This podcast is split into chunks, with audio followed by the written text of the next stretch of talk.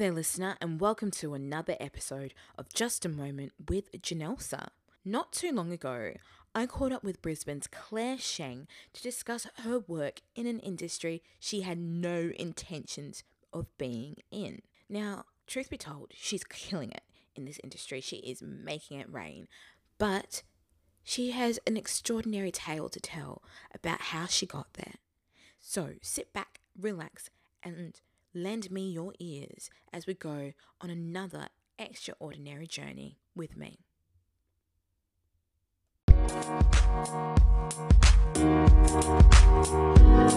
Hi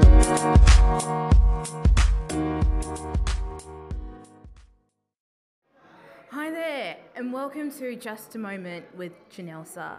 This is another fantastic episode. Today I am sitting with Claire Sheng, who I stumbled across uh, on a LinkedIn uh, recommendation. LinkedIn just throws it at you, and you're like, okay. But uh, before I stumbled across her, i I was looking through Instagram, and she was having this fantastic time on a friend's Instagram story. She was launching her very first book. Uh, since then, I have uh, connected with Claire, and guess what? Today is the very first time we're meeting in person. So um, I don't want to spoil it for everyone. I want to I want to hear it from the horse's mouth. But Claire, I have to say, is a remarkable, young, bright Aussie woman of many, many facets. So Claire, the floor is yours. Hi, Janelsa. So nice to meet you in person as well. Oh, Claire, I can say the same. Thank you so much for connecting with me. I guess the power of social media. Um, Claire, I've just got to ask, who are you and like what do you do? Just for everyone that doesn't know you yet. Well, I am a Chinese Australian. I'm a mother. I'm a business owner. I try to be an innovator, a leader, and I try inspire people to dress better and be the best versions of themselves. Well said, Claire. Like, I did a little bit of research, I won't lie. I did a little bit of research about you, and I saw you didn't start in fashion or, you know, the tailoring industry as you are in today, but you started in something far different. Can you tell us about that? Yes, of course. Um, I am Chinese of origin, and of course, all Chinese people need to work in medicine or in law. So I went to uni and studied um, pharmacy because that's what Chinese girls do. It's a safe job and um, it makes good money, and you can go have a baby and come back and still have a job. However, I did not like pharmacy and I became disillusioned after a few years.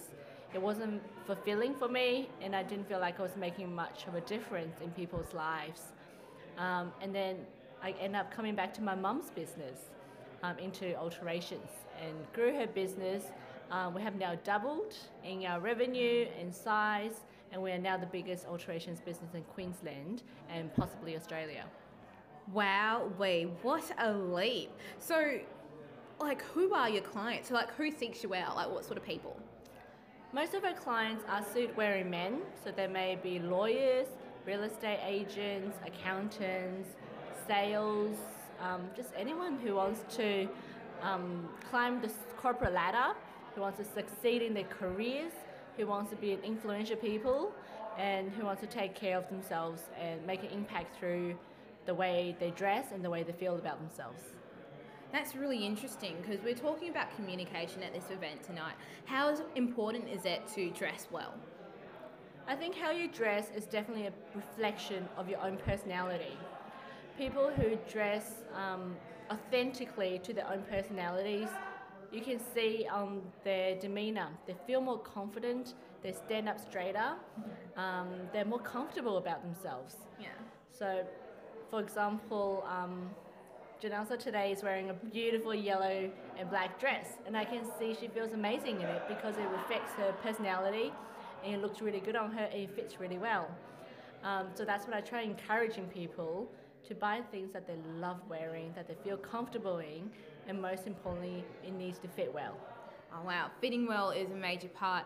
Now, I noticed on one of your LinkedIn posts, you um, there was a recent iconic talk, um, or historical actually, between uh, the U.S. President uh, Donald Trump and the Korean dictator Kim Jong Un.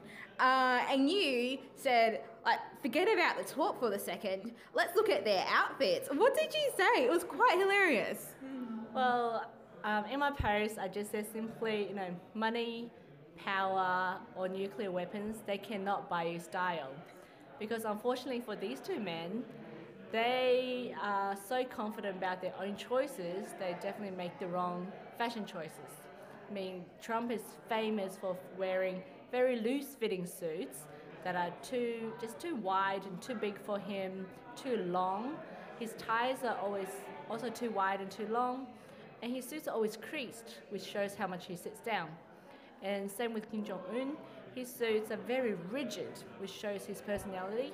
The suit fabrics are so thick and rigid, it does not do him any favors at all, and the style is also very old fashioned. I thought that was hilarious because, you know, the first thing you look at when you see those guys is like maybe not their suits, but it's like, oh, there's that president of the US that everyone doesn't seem to like, and there's a dictator that the whole world hates. And like, you're not like, oh no, I see the suits and they're just both appalling. I was like, wow, that's a decent takeaway. Now, um, what are some of the most common mistakes that people make when dressing themselves? Um, there are so many common mistakes. Of course, to me, the first thing I see is ill fitting suits because no matter how expensive a suit is, it may be $300 or it may be $3,000. But if it doesn't fit well, it just looks like rubbish and makes a person feel uncomfortable. Um, if you can spend a little bit of money on tailoring and make even the most basic of suits fit well, it will make the person look like a million bucks. So that's the first thing. Every anything that you buy off the rack or ha- even have custom made, make sure it fits you perfectly.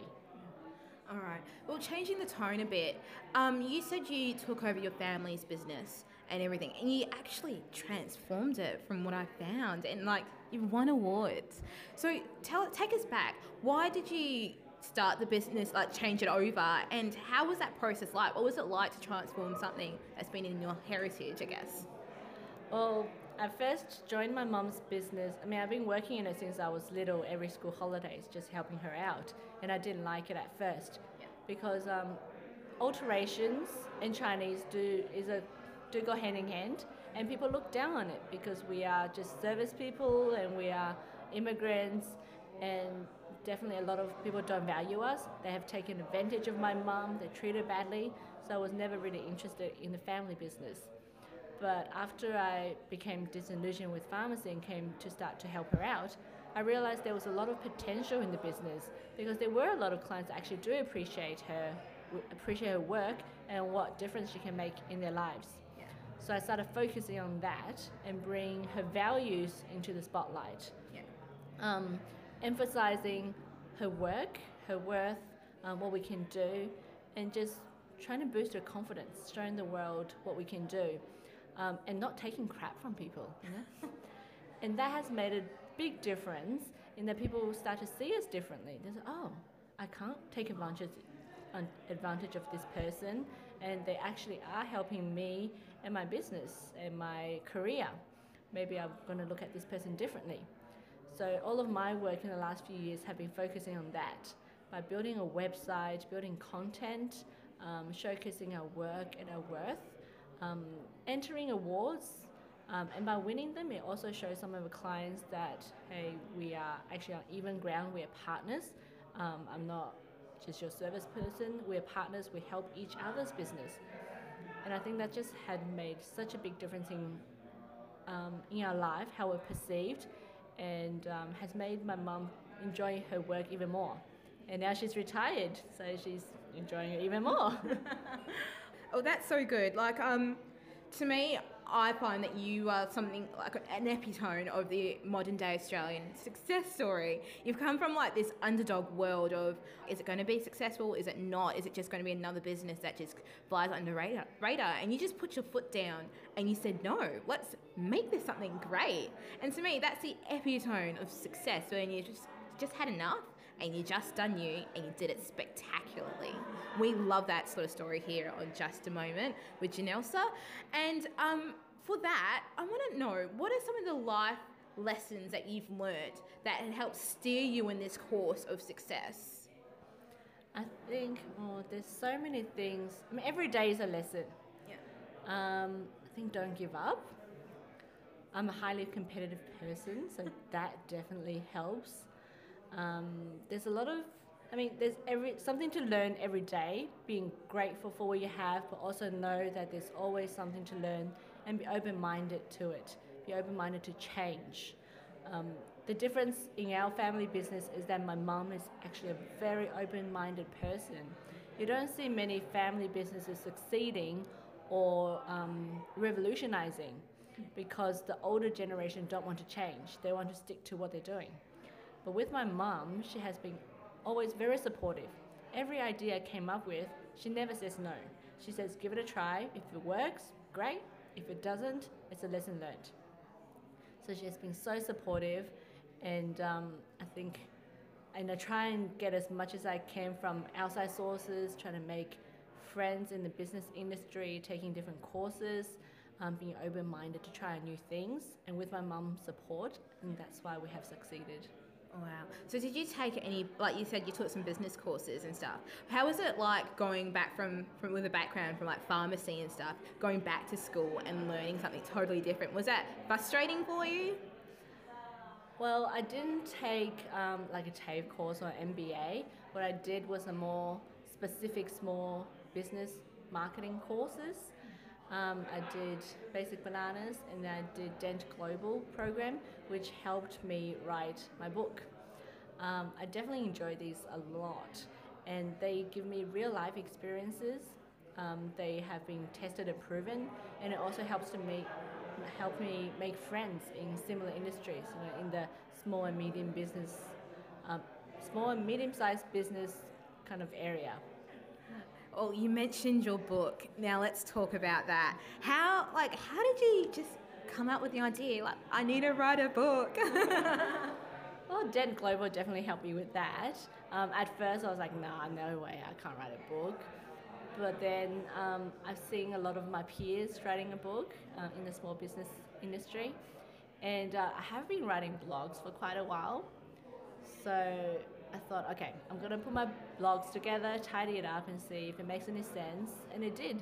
The more I write, the more I realize actually this does make sense. Um, I mean, I guess a lot of business people and entrepreneurs have a tall poppy syndrome. They think, oh, who am I to write a book? Who am I to tell people what to do? But every business person, every person, you have a unique collection, combination of experiences and knowledge that no one else has. And if you just condense that into a book or a blog or even a podcast, it is valuable to people. It is your unique point of view. It is also new knowledge for other people and will always help other people. That is so lovely. Claire, um, thank you so much for joining me on my podcast today. Um, we do appreciate it, and honestly, I hope, I know I've inspired. Uh, this podcast aims to just to challenge the ordinary and see what's so extraordinary about it. And trust me, there is nothing ordinary about you. You're extraordinary. So, Claire, thank you so much once again. Um, and thank you, listener, for tuning in to Just a Moment with Janelsa. Thank